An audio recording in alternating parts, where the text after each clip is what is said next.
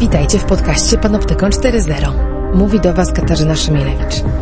Jestem prawniczką i prezeską Fundacji Panoptykon, która reaguje na zagrożenia związane z rozwojem nowych technologii i to, co dzieje się na styku tej technologii człowieka. W Panoptykonie 4.0 mam ten komfort, że nie zaglądam do ustaw, nie gadam z politykami, ale mogę zrobić coś ciekawszego, mogę zajrzeć na zaplecze tych technologii, przemyśleć to, skąd się wzięły, co tak naprawdę zmieniają w naszym życiu, jak działają i rozmawiam o tym z ludźmi, którzy wiedzą, wiedzą, bo badają, wiedzą, bo są praktykami e, i tą wiedzą potrafią się dzielić. Technologie i człowiek. Człowiek i technologie. Gdzie na tym styku czekają na nas zagrożenia? Jak korzystać z technologii, by na nich skorzystać? Jak kontrolować, kto gromadzi o nas informacje i do czego ich używa? Z ekspertami i praktykami rozmawia Katarzyna Szymielewicz. Panoptykon 4.0 Podcast TOK FM.pl i Fundacji Panoptykon. Dzień dobry, jesteśmy w podcaście Panoptykon 4.0. E, Dziś w klimacie noworocznym trochę, a nawet bardzo, chciałam porozmawiać o różnych formach autonadzoru. Taką tezę ja bym do tej dyskusji stawiała, ale myślę, że moja rozmówczyni się nie zgodzi. E, Chodzi mi o wszystkie postanowienia ulepszania siebie i pomysły, jak możemy żyć lepiej i wykorzystywanie do tego celu aplikacji mobilnych. Będziemy mówiły głównie o aplikacjach dla kobiet, bo mam to szczęście, e, że moją rozmówczynią jest Małgorzata Ratajska-Grandin. Witam cię serdecznie. Cześć. Która ma przebogate doświadczenie z wykształcenia politolożka, z doświadczenia między innymi przedsiębiorczyni i założycielka technologicznego startupu, który właśnie wyprodukował aplikację mobilną dla kobiet e, związaną z ich zdrowiem, więc z tego doświadczenia będziemy dziś e, garściami e, korzystać. A zainspirowało mnie do tej rozmowy nie tylko to, że, że nowy rok i nowe po- postanowienia, ale też dyskusje, które mieliśmy w Fundacji Panoptykon po tym, jak odezwała się do nas um, jedna um, z użytkowniczek profilu pani Miesiączka na Facebooku e, i poprosiła o przyjrzenie się właśnie aplikacjom dla, do, służącym do monitorowania cyklu miesięcznego e, kobiet, których jest sporo i które czasem zbierają zaskakujące dane, więc my spędziliśmy trochę czasu wertując ich polityki prywatności i regulaminy tych najpopularniejszych. No i to, co odkryliśmy, było dość poruszające. Na przykład e, zaczęliśmy się zastanawiać nad tym, no, czy to są przyjaciele kobiet te aplikacje, czy bardziej właśnie jakieś narzędzia do ich tresury, e, tudzież po prostu nowe szpiegujące mm, narzędzia, które wysysają wiedzę o ich życiu e, intymnym. No właśnie, więc e, może zacznijmy od, od podstaw. Jak myśli ktoś, kto projektuje takie aplikacje? Dlaczego w ogóle powstają aplikacje dla kobiet? Czym kobieta różni się od mężczyzny, jeśli chodzi o jej życie mobilne i jej telefon? Ja myślę, że temat em, śledzenia, czy właśnie self-trackingu, tak jak e, w, to był początek lat 2000, myślę, że taki boom przypadł gdzieś w okolicach 2009-2010 roku na śledzenie własnych, e, własnego zdrowia, życia i intymnego i nie tylko parametrów ciała. Jest czymś em, czymś e, nowym i nienowym e, równocześnie. A, a kwestie związane e, z śledzeniem miesiączki i, i, tą, i tymi aplikacjami chyba są najprostszym powiedzmy przetłumaczeniem tego, te, tej potrzeby na aplikację mobilną, stąd, te, stąd takie bogactwo tego typu rozwiązań w sieci. Ale Pytanie jest, czy, czym się różni telefon kobiety od mężczyzny? Ja myślę, że, że nie, niewielką ilością informacji, a, a ta pojawiająca się tam aplikacja je- jest e, pewnego rodzaju potrzebą chyba samych kobiet, które zamiast notować to na różnych karteczkach, e, pomyślały sobie, że lepiej mieć to e, w swoim telefonie. Też ja przeczytałam w którymś z artykułów, przygotowując się do tej rozmowy, że aplikacje dla kobiet projektuje się mniejsze i bardziej różowe. Nie wiem, czy się z tym zgadzasz. Więcej ma się ich zmieścić na telefonie. Ja myślę, że kolor ma znaczenie. Myślę, że to jest takie ogólne pojęcie do wszystkich przedmiotów dla kobiet, tak jak e, e, mniejsze, różowe i droższe. Takie są zazwyczaj Wytyczne. e, wytyczne zaczynając od e, maszynek do golenia, skończywszy na, na, in, na długopisach, które też e, pojawiały się tylko dla kobiet. Ale Widziałam- zupełnie poważnie czujesz, że w świecie cyfrowym takie myślenie się y, też pojawia?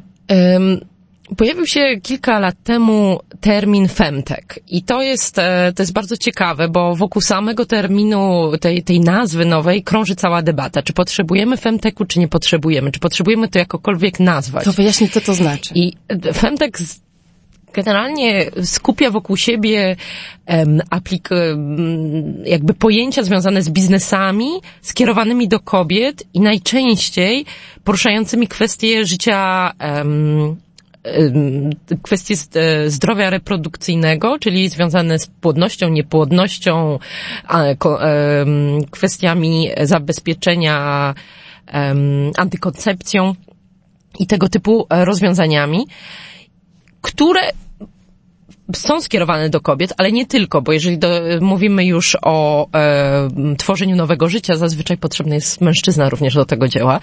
I e, można zarządzać relacją z nim za pomocą aplikacji? Tak. I, A to i ciekawe.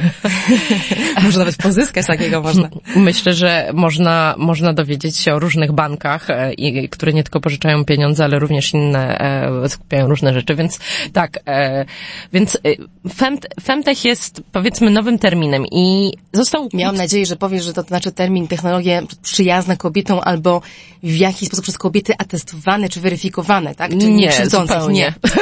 okay, to, to jeszcze musimy wynaleźć. Zupełnie nie. Natomiast jest to termin, który e, w tym jak bądź co bądź nadal e, zmaskulinizowanym świecie e, venture capital był potrzebny, żeby przebić się z nowymi koncepcjami, które pojawiały się na rynku. I dzisiaj mówi się, że ten femtech jest wyceniany na 50 miliardów dolarów, że przyniesie tyle zysku.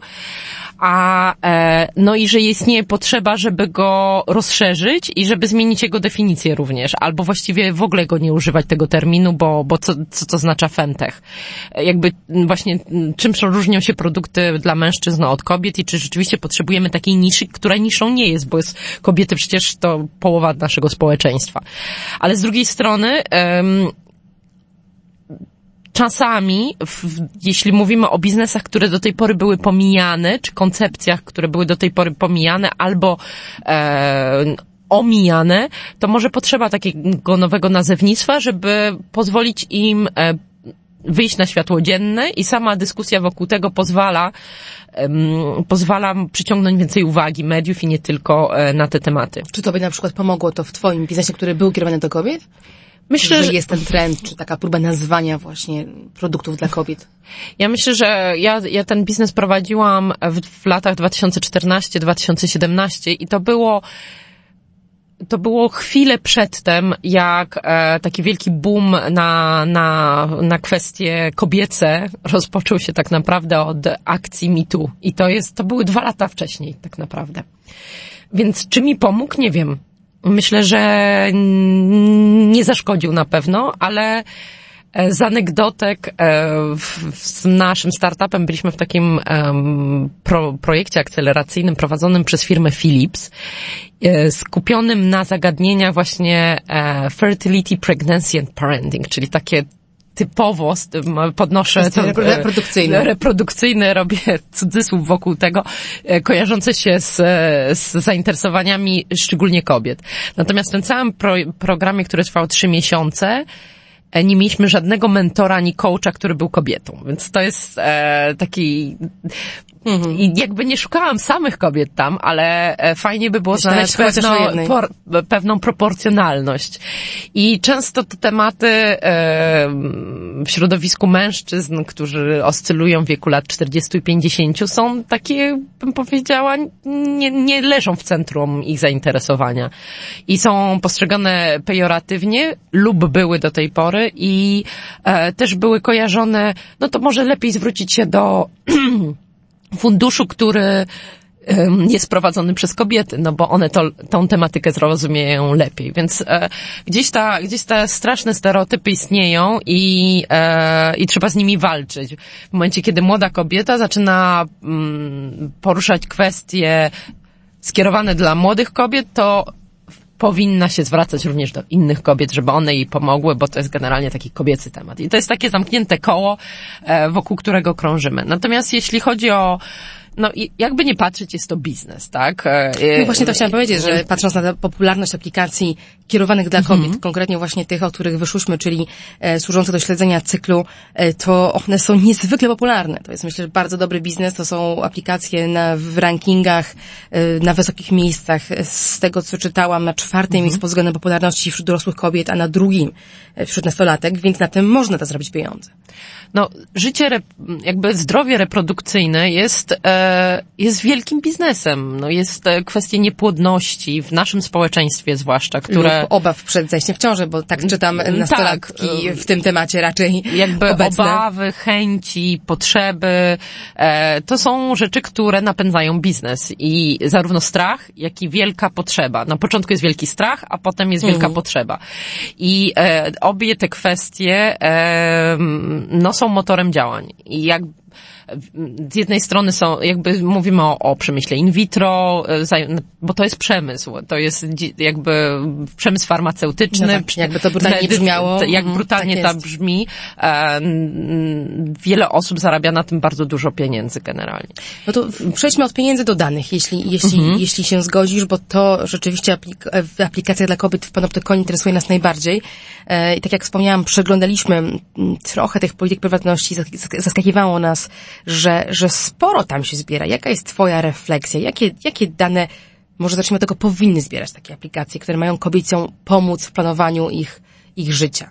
Powinny zbierać te dane, na które te, sam, te kobiety się godzą generalnie, żeby je oddawać. Taka, e, jakby, ja mam dosyć jasne poglądy na temat e, tego, na temat aplikacji zdrowotnych. One powinny być e, jak najbardziej przejrzyste i użytkownik zawsze powinien mieć prawo na samym początku zdefiniować, czym chce się dzielić i dlaczego chce się z nimi dzielić. Jeżeli już odwołuje się do tego narzędzia, to robi to w pełnej świadomości, bo nie ma nic bardziej em, nic bardziej wrażliwego niż dane związane z naszym życiem, a ży, tym życiem najbardziej intymnym e, to już w ogóle to jest epicen, epicentrum prywatności. E, dlatego Dlatego tak naprawdę te polityki prywatności powinny być skonstruowane w sposób przejrzysty, czy ta konfiguracja tej aplikacji na początku w naj, jak najbardziej przejrzysty sposób. I teraz em, są dwie, dwa aspekty tego. Po pierwsze, większość tych aplikacji nie powstaje w Europie, tylko powstaje w Stanach Zjednoczonych, a wiemy, że mamy kompletnie odmienne kultury, jeśli chodzi o kwestie prywatności, zbierania danych, przejrzystości, transparentności e, naszego prawa e, na tych dwóch kontynentach. Więc to jest pierwszy argument. E, no i drugi argument jest taki, że no, że dane są dzisiaj e, pieniądzem, więc ta jakby ta... Przykładają ta- się w prosty sposób na, na zyski tego, kto je zbiera. Do, I dlaczego one zbierają tyle tych danych? Dlatego, że te dane nigdy nie były do tej pory zbierane i te obszary są tak naprawdę bardzo nieznane. E, I gdzieś tam te nowe technologie są promesą, są jakąś, i są, są, są powiedzmy nadzieją na to, że odkryjemy coś, o czym jeszcze nie wiemy. No, patrząc na, na owe polityki, um, oczywiste dość, jest- dość, jest, że jeżeli jestem ciekawa, kiedy wypada mój kolejny cykl, to muszę zanotować datę poprzedniego, bo e, te rzeczy powinny być i, i często są regularne, więc ta regularność i od, od, od zakreślanie dat w kalendarzu jest jakąś podstawą.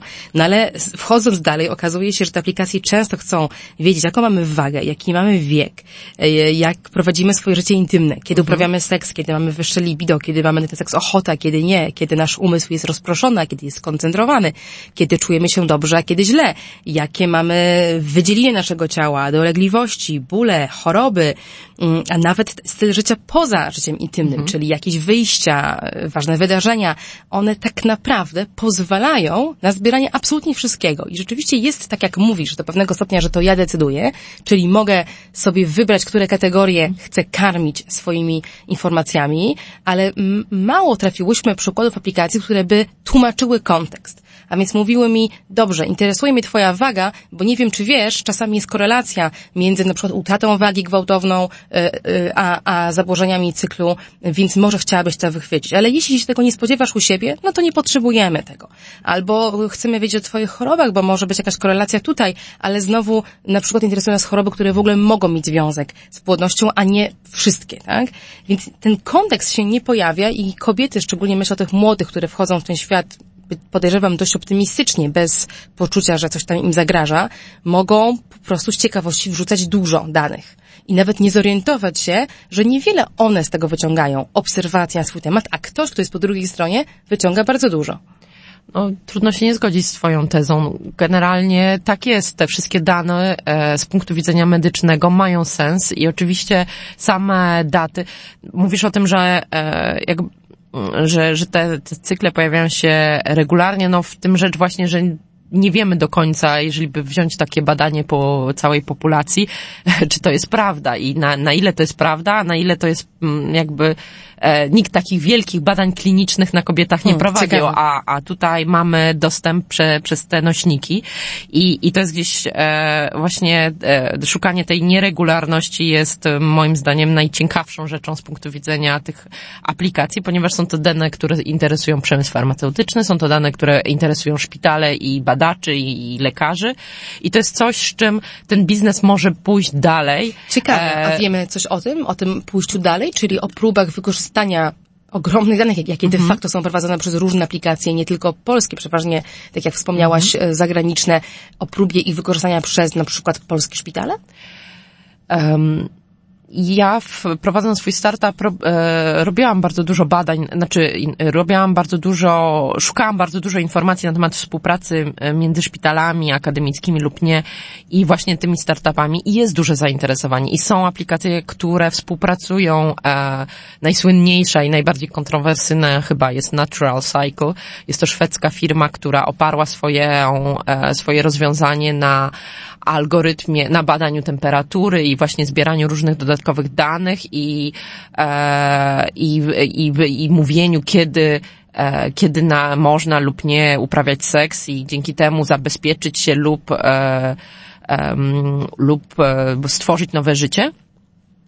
I no i oczywiście ten algorytm był e, poprawny w 93%. To bardzo wysoki wynik. No ale jeszcze było to 7%, które sprawiało, że albo kobiety zachodziły w tą ciążę, albo nie i było wokół. A dostał on certyfikację, ta aplikacja dostała certyfikację FDA, FDA, czyli e, amerykańskich autory, amerykańskiego autorytetu do instytucji e, przydaje, wydającej certyfikacje medyczne.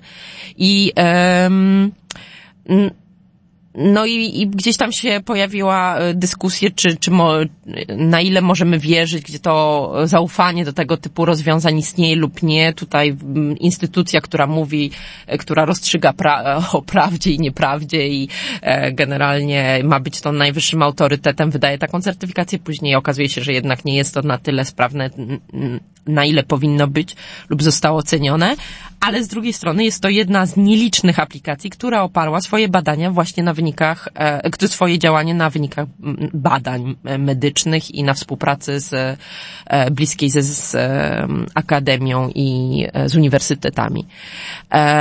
My tworząc swoją aplikację też współpracowaliśmy bardzo blisko z uniwersytet, z Akademią Medyczną, Szpitalem Uniwersyteckim, największym, posiadającym największy oddział położniczy a jaki był cel tego projektu, e, Ten, ten projekt, ta aplikacja e, była rozwiązaniem dla przyszłych mam i która miała właśnie oprzeć się na tych zwalidowanych przez lekarza, mojego lekarza, tego, który prowadzi moją ciążę, nie jakiegoś ze Stanów właśnie, czy innego na odległość, miasta. który zajrzy do twojej aplikacji. E, tak, tylko tego, z którym się spotykam na co dzień e, w trakcie, w trakcie mojej ciąży, a, a który dostarcza mi dodatkowe informacje e, w odpowiednim momencie, które są dostosowane Na do moich potrzeb. Na przykład o badaniach, jakie powinieneś zrobić, tak? Albo tak. jakichś możliwościach, które masz. E, możliwościach po pierwsze skorzystania z usług, czy porad, czy różnych dodatkowych e, działań, które ten szpital oferował już e, swoim pacjentkom ale e, często te informacje gdzieś tam zanikały, nie docierały na, w odpowiednim momencie do pacjentek, więc to było bardzo ważne, żeby one miały takie poczucie, że ta opieka jest kompleksowa. Po drugie, żeby dostarczyć im e, in, odpowiednie informacje dotyczące ich zdrowia i, i takiego dobrobytu podczas tej ciąży. E, a, a po trzecie, żeby zebrać e, pewne ich e, obawy, czy, czy, bo ta, ta forma była taka konwersacyjna, to był bot po prostu e, w formie kanału konwersacji, ale też z możliwością interwencji po stronie e, pielęgniarek, które też miały dostęp do, do tego rozwiązania. Więc... Um, I rozumiem, że nikt inny do tego dostępu nie no, miał. Żadna no nie. firma farmaceutyczna, ani nie. żaden marketer. Nie. Pytam o to, ponieważ ty powiedziałaś o, o jednej stronie, ja też o to spytałam, bo to jest niezwykle ciekawe, na ile z danych, które gromadzą takie aplikacje, mogą korzystać instytucje, które służą naszemu, albo powinny e, służyć naszemu zdrowiu, dbać o nas, tak jak szpitale, NFZ-y, e, jakieś instytucje badawcze, bo mnie by to interesowało. Uważam, że taka wiedza o ludziach, o życiu kobiet nie powinna się marnować, ale z drugiej strony, i obawiam się, że tu jest o wiele więcej do powiedzenia, zgłaszają się ci wszyscy właśnie marketerzy, e, firmy farmaceutyczne i inni zainteresowani ową wiedzą władzą, czy jak powiedziałaś, wprost zarabianiem pieniędzy na tych danych. I kiedy przyjrzymy, szczególnie wobec amerykańskich aplikacji, możemy taki zarzut, myślę, odpowiedzialnie e, sformułować e, polityki prywatności w dużym cudzysłowiu owych aplikacji. Dowiadujemy się, że no nie mamy żadnej gwarancji, że te nasze dane intymne nie trafią do marketerów, czy reklamodawców, czy firm farmaceutycznych, a przecież no, choćby dzięki różnym analizom, jak kojarzę choćby książkę Michaela Breusa Potęga Kiedy, która mówi o rytmie naszego życia, mhm. że kobiety w, w drugiej fazie cyklu są bardziej skłonne do nieprzemyślanych wydatków. A więc taka informacja, że oto jesteś w tej fazie, może być dla reklamodawcy od butów i samochodów i czegokolwiek i telefonów bardzo cenna, e, albo oczywiście namierzenie mm, wczesnej fazy ciąży, tak. E, o której wiadomo, że to jest ten moment, kiedy kobiecie zmieniają się hormony, zaczyna mieć nowe potrzeby konsumpcyjne, zmieniają się preferencje, co ona kupuje, jakie zapachy jej pasują, jakie materiały, jakie kolory i można je wtedy, mówiąc kolokwialnie, wcisnąć rozmaite e, niepotrzebne rzeczy, również budując na jej czy ekscytacji, czy przejęciu, czy strachu tą nową fazą życia. Więc to jest niezwykle cenna wiedza. Czy mamy informację o tym, jak ona krąży? No nie mamy tej informacji, nie mamy tej informacji i to jest e, właśnie całe, całe ból i e, cała aktualna sytuacja związana z no, ze, ze wszystkimi biznesami tak naprawdę opartymi na danych. Nie wiemy, jak te informacje krążą. Nie, nie mamy... poza tymi etycznymi, które poza my tymi, promujemy. No, tak. poza na przykład twoim, jak sądzę. No tak. E, my nie współpracowaliśmy z firmami marketingowymi, współpracowaliśmy tylko i wyłącznie z jednostkami, e, ze szpitalami generalnie i, i nie przekazywaliśmy tych danych i to zależało jakby wszystkim. Zresztą cały biznes model nie był oparty na reklamach, tylko na e, subskrypcji po stronie placówki medycznej, której zależało również na dobrze, e, na dobru A, swoich może, pacjentów. Może to jest clue dla słuchających nas kobiet, które myślą, po czym ja mam poznać, czy to coś śledzi mnie w celu marketingowym, czy w celu, który bym autoryzowała, e, to jest zadać pytanie o model biznesowy takiej aplikacji, prawda? Na czym ona zarabia? Czy to nie jest pierwszy sygnał, który powinniśmy e, to jest badać. pierwszy i podstawowy sygnał. Przede wszystkim umiejętność rozpoznania biznes modeli stojącymi za dzisiejszymi produktami technologicznymi jest podstawową wiedzą, która gwarantuje nasze bezpieczeństwo. Jeżeli rozumiemy przepływ pieniędzy, jesteśmy świadomi, świadomie podejmujemy decyzje.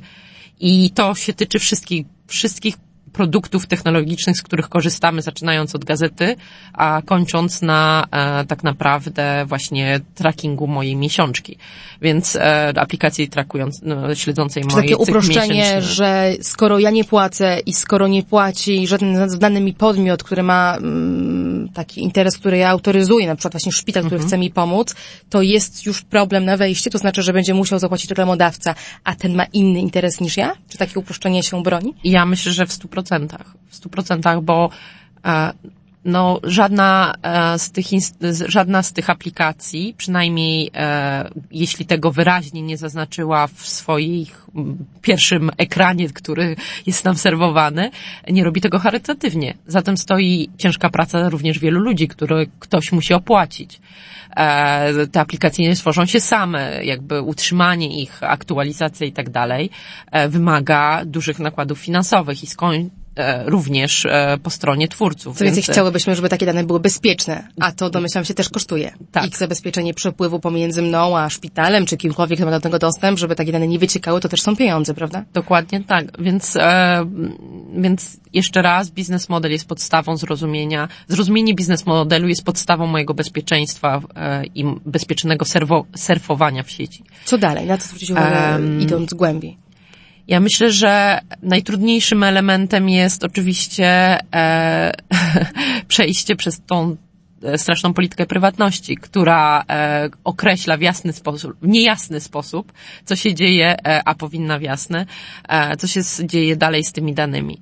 Po trzecie jest tak, taka samokontrola generalnie tego, czym się dzielę i, i, i pewna racjonalność w tych decyzjach. E, tego, jakie informacje dostarczam w tej aplikacji.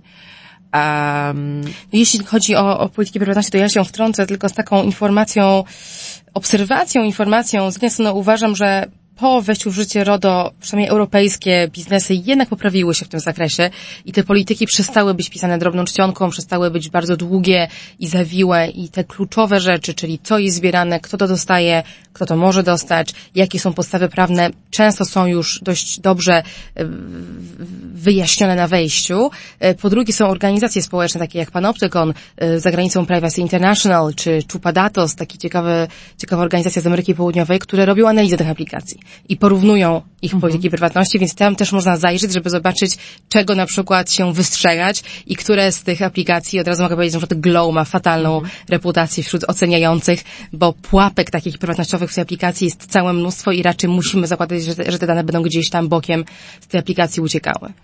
e, to prawda i to prawda o Glow, potwierdzam niestety. Natomiast e, jest też taki nowy trend, który pojawia się w sieci, dotyczący e, slow internet i nie mówię tutaj o połączeniu e, Ciekawe. w lesie. Kolejny ciekawy. Proszę wytłumacz.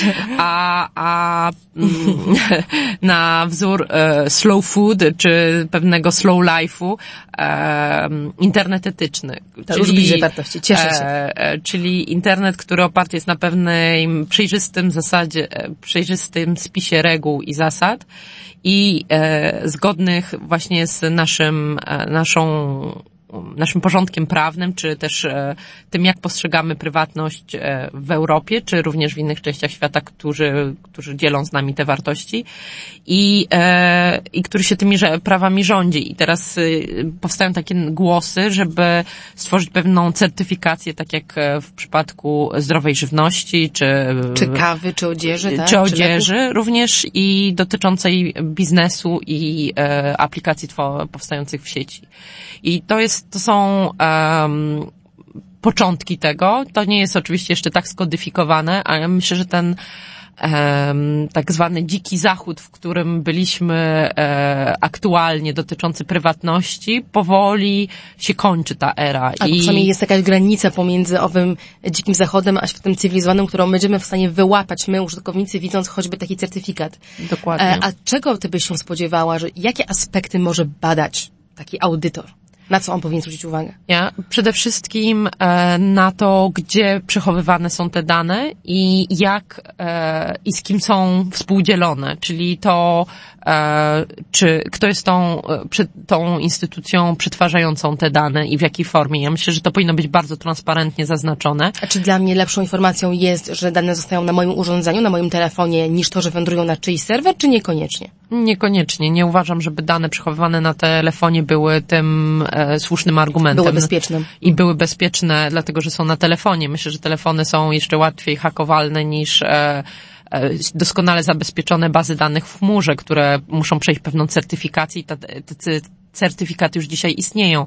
I są dostarczyciele rozwiązań chmurowych, którzy chcą iść w stronę e, tej przejrzystości i właśnie tworzyć takie przestrzenie dla internetu, który będzie tworzony w sposób etyczny, bezpieczny i i z poszanowaniem naszej prywatności i prywatności użytkowników.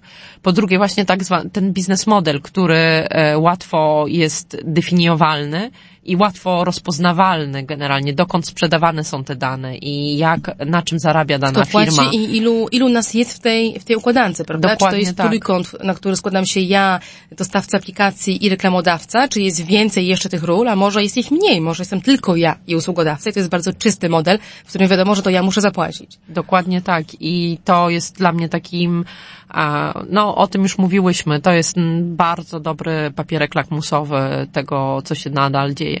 Po trzecie, e, może część tych danych powinna zostać sprzedana firmie farmaceutycznej. Może to nie są dane, które, może warto No przez uczestniczyć. formie zanonimizowanej. Dokładnie Mhm. tak, bo koniec końców korzystamy z leków, korzystamy z rozwiązań em, inny, innych rozwiązań farmaceutycznych, czy suplementów diety, czy innych, e, innych rzeczy. I e, ten przemysł też generalnie e, może się ulepszyć i stworzyć nowe rozwiązania, które będą dla nas jeszcze bardziej korzystne. No chociaż Ale- tutaj, mm, przepraszam. Mhm. Ale to oczywiście jest e, bardzo trudne do rozpoznania i powinniśmy to robić w sposób świadomy.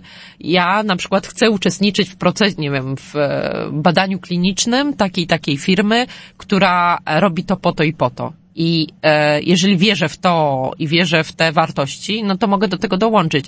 Ale jeżeli uważam, że branie hormonów, żeby regulować mój e, cykl menstrualny, e, nie służy mi ani mojemu zdrowiu, no to nie chciałabym nigdy się Wspierać tym takiego nie, celu. nie chciałabym nigdy wspierać tego, Mhm. takiego No, celu. ch- Chciałam wejść z taką y, też informacją, którą, którą gdzieś przeczytałam w, w analizach znowu aplikacji do, do, do, do regulowania cyklu miesiączkowego, bo, bo o tym chyba najwięcej się pisze, że y, próba kobiet, które z tych korzystają aplikacji i dzielą się danymi z firmami farmaceutycznymi i szpitalami jest bardzo zab- zaburzona na korzyść kobiet białych i mieszkających jednak na półkuli północnej.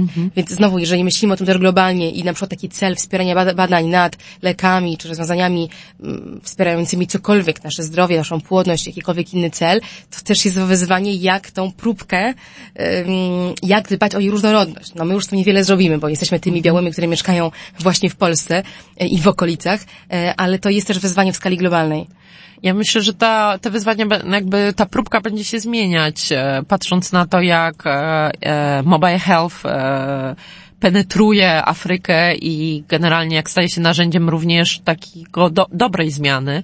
E, nie tylko, nie tylko też postrzegane jest z punktu widzenia interesów firm farmaceutycznych. Myślę, że te, tych zmian będzie coraz więcej i i może będzie więcej dywersyfikacji. Natomiast To oby e, te certyfikaty szybko przyszły, bo jeżeli do Afryki i Azji wejdą niezbadane przez nikogo aplikacje, które wyprowadzają dane tych kobiet w, w, w celach takich jak udzielenie im szybkiej pożyczki na dziecko, e, albo wychwycenie, że oto jest skłonna kupić droższe buty, no to będzie bardzo nieciekawe.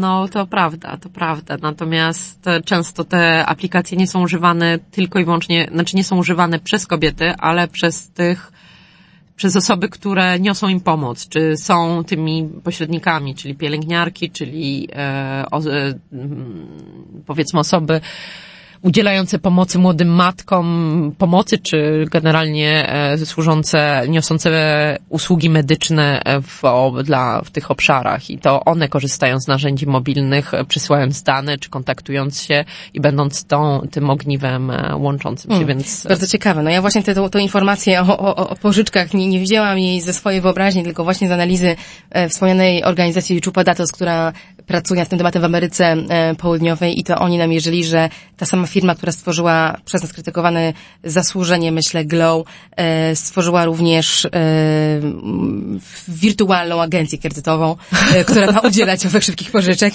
Więc no, jak oni piszą, reprodukcja i pożyczenie pieniędzy nigdy nie było tak blisko, jak, jak w tym modelu biznesowym, który jest bardzo nieprzejrzysty, więc no, przestrzegamy przed wchodzeniem w takie, w takie niejasne meandry internetu. No, no tutaj muszę, nie, nie mogę nie powiedzieć, że, że według marketerów em, para spodziewająca się dziecko e, jest najlepszym, e, najlepszym celem, ponieważ jej e, wydatki szeroko rozumiane wzrosną o 300% w nadchodzących 9 miesiącach. Mhm. I kto będzie pierwszy ten skorzysta? Zaczynając od, e, od zakupu nowych ubrań, a kończywszy na wymianie samochodu, więc, czy zakupie większego mieszkania, więc rzeczywiście jest to, jest to na, na, są to najcenniejsze informacje. Chciałam Cię jeszcze spytać o taki wątek, który my w świecie, mm, w naszej bańce technologii i praw człowieka nazywamy y, dark patterns, takie ciemne wzory w projektowaniu aplikacji, które służą często temu, aby przeprowadzić użytkownika przez system zgód na różne mhm. rzeczy, na które być może ja się wcale nie chcę zgodzić, ale aplikacja jest tak zaprojektowana, żebym kliknęła na ten czerwony przycisk, a pominęła tamten czarny i ja bym się zbyt długo nie zastanawiała nad tym, czy chcę udzielić swojej zgody, czy też nie chcę i wiele innych oczywiście funkcji można tak samo zaprojektować, żeby uzyskać efekt, mhm. o który chodziło projektantom, a niekoniecznie e, służący dobru e, użytkownika, czy w naszej rozmowie użytkowniczki. Czy spotykasz się z tym zjawiskiem, z tym wyzwaniem przy projektowaniu aplikacji dedykowanych kobietom? E, no, te dark patterns są używane w każdym biznesie, nie, nie, nie tylko jakby ni mniej, ni bardziej e, w femtechu, czy, tym, czy, czy tych aplikacjach kierowanych dla, do kobiet. Natomiast e, no, one są dosyć dobrze opisane i skodyfikowane, więc to jest... Skąd można szukać tutaj wiedzy czy pomocy, jeżeli ktoś chce się na to wyczulić i umieć je rozpoznać? No, ja, ponownie internet jest najlepszym źródłem internetu. Ten slow. Ten slow. I tam one są świetnie opisane opisane. Myślę, że tutaj pan optykom też to dobrze e, zrobił. Punktujemy to, to prawda. I, e, i takie zaufane źródła. Dla, dla, cała, cała rzecz... E, cała dyskusja na temat tego, jak bezpiecznie korzystać z internetu, opiera się na źródle, na, na rozpoznawaniu biznes modelu. To pierwsza rzecz w moim, moim przekonaniu, a drugie na umiejętności rozpoznania źródła. I e, skąd pochodzi dana informacja i e, czy ten artykuł opisujący dark e, patterns jest e, źródłem któremu mogę zaufać. No, wracamy w naszej rozmowie do dezinformacji i, i tak. tego, co to znaczy zaufane źródło w internecie. Dzisiaj e, cała kolejna wielka rozmowa, której dzisiaj będzie otwierać, ale zanim dobiegniemy do końca, bo myślę, że, że, że czas zaczyna e, nas poganiać, to chciałam jeszcze prowokacyjnie wywołać taką metamyśl na temat w ogóle zarządzania swoim zdrowiem i życiem mhm. poprzez aplikacje, czy jako silna kobieta feministka, która, która zrobiła dużo w swojej karierze po to, żeby kobietom pomagać. Jak ty się w ogóle w tym widzisz, w tym, w tym temacie? Czy uważasz, że my potrzebujemy tych wszystkich narzędzi, że one mogą nam autentycznie pomóc? Czy to jest kolejny trend pod tytułem ulepsz siebie i wpasuj siebie w kolejny wzorzec? No ja mam taki ambiwalentny do tego stosunek, muszę przyznać. E, uważam, że te narzędzia mają swoją e, rolę do odegrania w danym momencie. Mhm. Czasami ich potrzebujemy po prostu. Konkretny problem, konkretne rozwiązanie. Dokładnie tak, które ma e, początek i swój koniec. Mhm. Mm, jakby są osoby, które potrzebują takiego quantified self, czyli szu, pisz, jakby czyli opisania siebie w liczbach. Opisania siebie w liczbach, w słowach. Kiedyś bardziej to się robiło w słowach, prowadząc pamiętniki, e, opisując każde swoje zachowanie e, wieczorem, pewnej autoanalizy i, i ona pozwala nam e, gdzieś tam siebie lepiej zrozumieć. I, e, i ten proces opisywania siebie w momencie, kiedy się pojawił, e, człowiek miał taką, znaczy gdzieś tam była taka promesa, że poprzez te liczby i e, coś. coś więcej zrozumiemy. Nagle się objawia się. się, objawi się ta prawda, która była dla nas niewidoczna, a nagle dzięki tym cyfrom i, i temu wykresu, wykresowi wizualizacji tych danych nagle zrozumiemy jakąś wiedzę, którą, dlaczego informację. się, nie wiem, słabo w poniedziałki rano, Na albo przykład. świetnie w piątki wieczorem.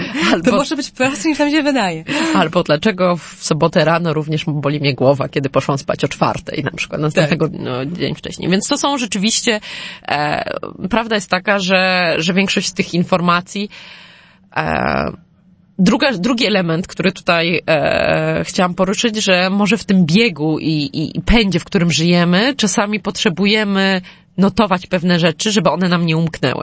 I to jest taki drugi Albo element. wyłapać, czegoś co można wyłapać schemat, który nam umyka, bo nam się zacierają dni, e, tygodnie, miesiące i pory roku. Tak, że i... jest jakiś rytm lub go, lub go nie ma. Dokładnie tak, więc tu znowu wracamy do koncepcji slow, interne, slow no e, webu, e, gdzie ta, gdzie nie tylko pojawiają się aplikacje certyfikujące, ale również też e, na przykład zmniejszające zasięg, czy, czy gdzieś czasami go wyłączające, tak, żeby się odłączyć od tego internetu. I, e, czy, czy tego, a nie internetu, nie tylko internetu, a tego ciągłego przepły, e, ciągłego bombardowania informacjami. No i, e, tworzenie nad człowieka było potrzebą, zaczynając od alchemików, a kończąc poprzez e, e, tragi, tragiczne losy początku XX wieku, było, e, istniało w naszym społeczeństwie i myślę, że nadal no, to istnieje. Nie, tak, myślę, że nie, nie więdnie z czasem, nawet rozkwita podsycania technologią i tym pomysłem, że dzięki danym, dzięki sztucznej inteligencji, dzięki tym nowym wynalazkom będziemy mogli się ulepszyć nawet skuteczniej o czym my często zresztą w tym podcaście rozmawiamy. Ja rozmawiam z różnymi moimi gośćmi i etykami, filozofami i psychologami, że to jest bardzo niebezpieczny pomysł, więc też cieszę się, że to wybrzmiewa w naszej rozmowie o aplikacjach dla kobiet, bo niedaleko od nich do, tej, do tego pomysłu, że oto się wyreguluje już tak i tak ulepszę, że będę, że nic mi mnie nie złamie, a może nie, nie tędy droga z tego, co, co mówisz. E, no, może jednak slow. Może jednak slow i, i tak, naj, naj, najlepiej to widać właśnie na tym przykładzie tego, no tej leczenia niepłodności, które jest tym, najwie, tym złotym gralem, jeśli chodzi o biznes generalnie dzisiaj, w dzisiejszym femtechu, bo tam drzemie największy potencjał finansowy generalnie.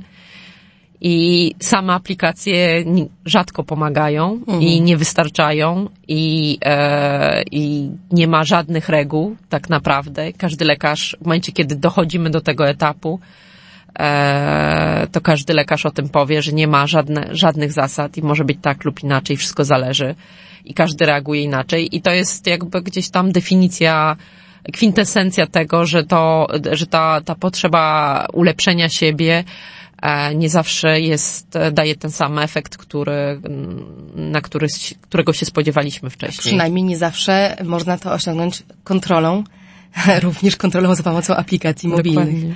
No dobrze, to jest dla mnie bardzo dobra puenta naszej rozmowy. Życzę wszystkim słuchającym nas, nie tylko kobietom, żeby w tym roku, który rozpoczynamy, trochę więcej odpuszczali i ufali sobie i swoim intuicjom i temu, żeby czasem poczekać na coś albo odpocząć, a niekoniecznie um, mniej lub bardziej histerycznie klikać, mierzyć i zaglądać do telefonu, ale jeśli tylko potrzebujecie, to też mam nadzieję, że pomogłyśmy Wam w tej rozmowie wytulić się na to, co może być niebezpieczne i, i że wiecie lepiej, jak szukać pomocy też w świecie aplikacji mobilnych.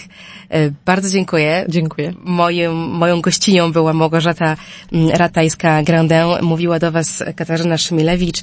Kończy się podcast Panoptykon 4.0 i jak zwykle zapraszam do zgłaszania Waszych potrzeb, pomysłów, pytań e, do mnie i, i naszych gości, i moich gości e, i dziękuję, że jesteście z nami. Do usłyszenia. Technologie i człowiek. Człowiek i technologie. Gdzie na tym styku czekają na nas zagrożenia? Jak korzystać z technologii, by na nich skorzystać?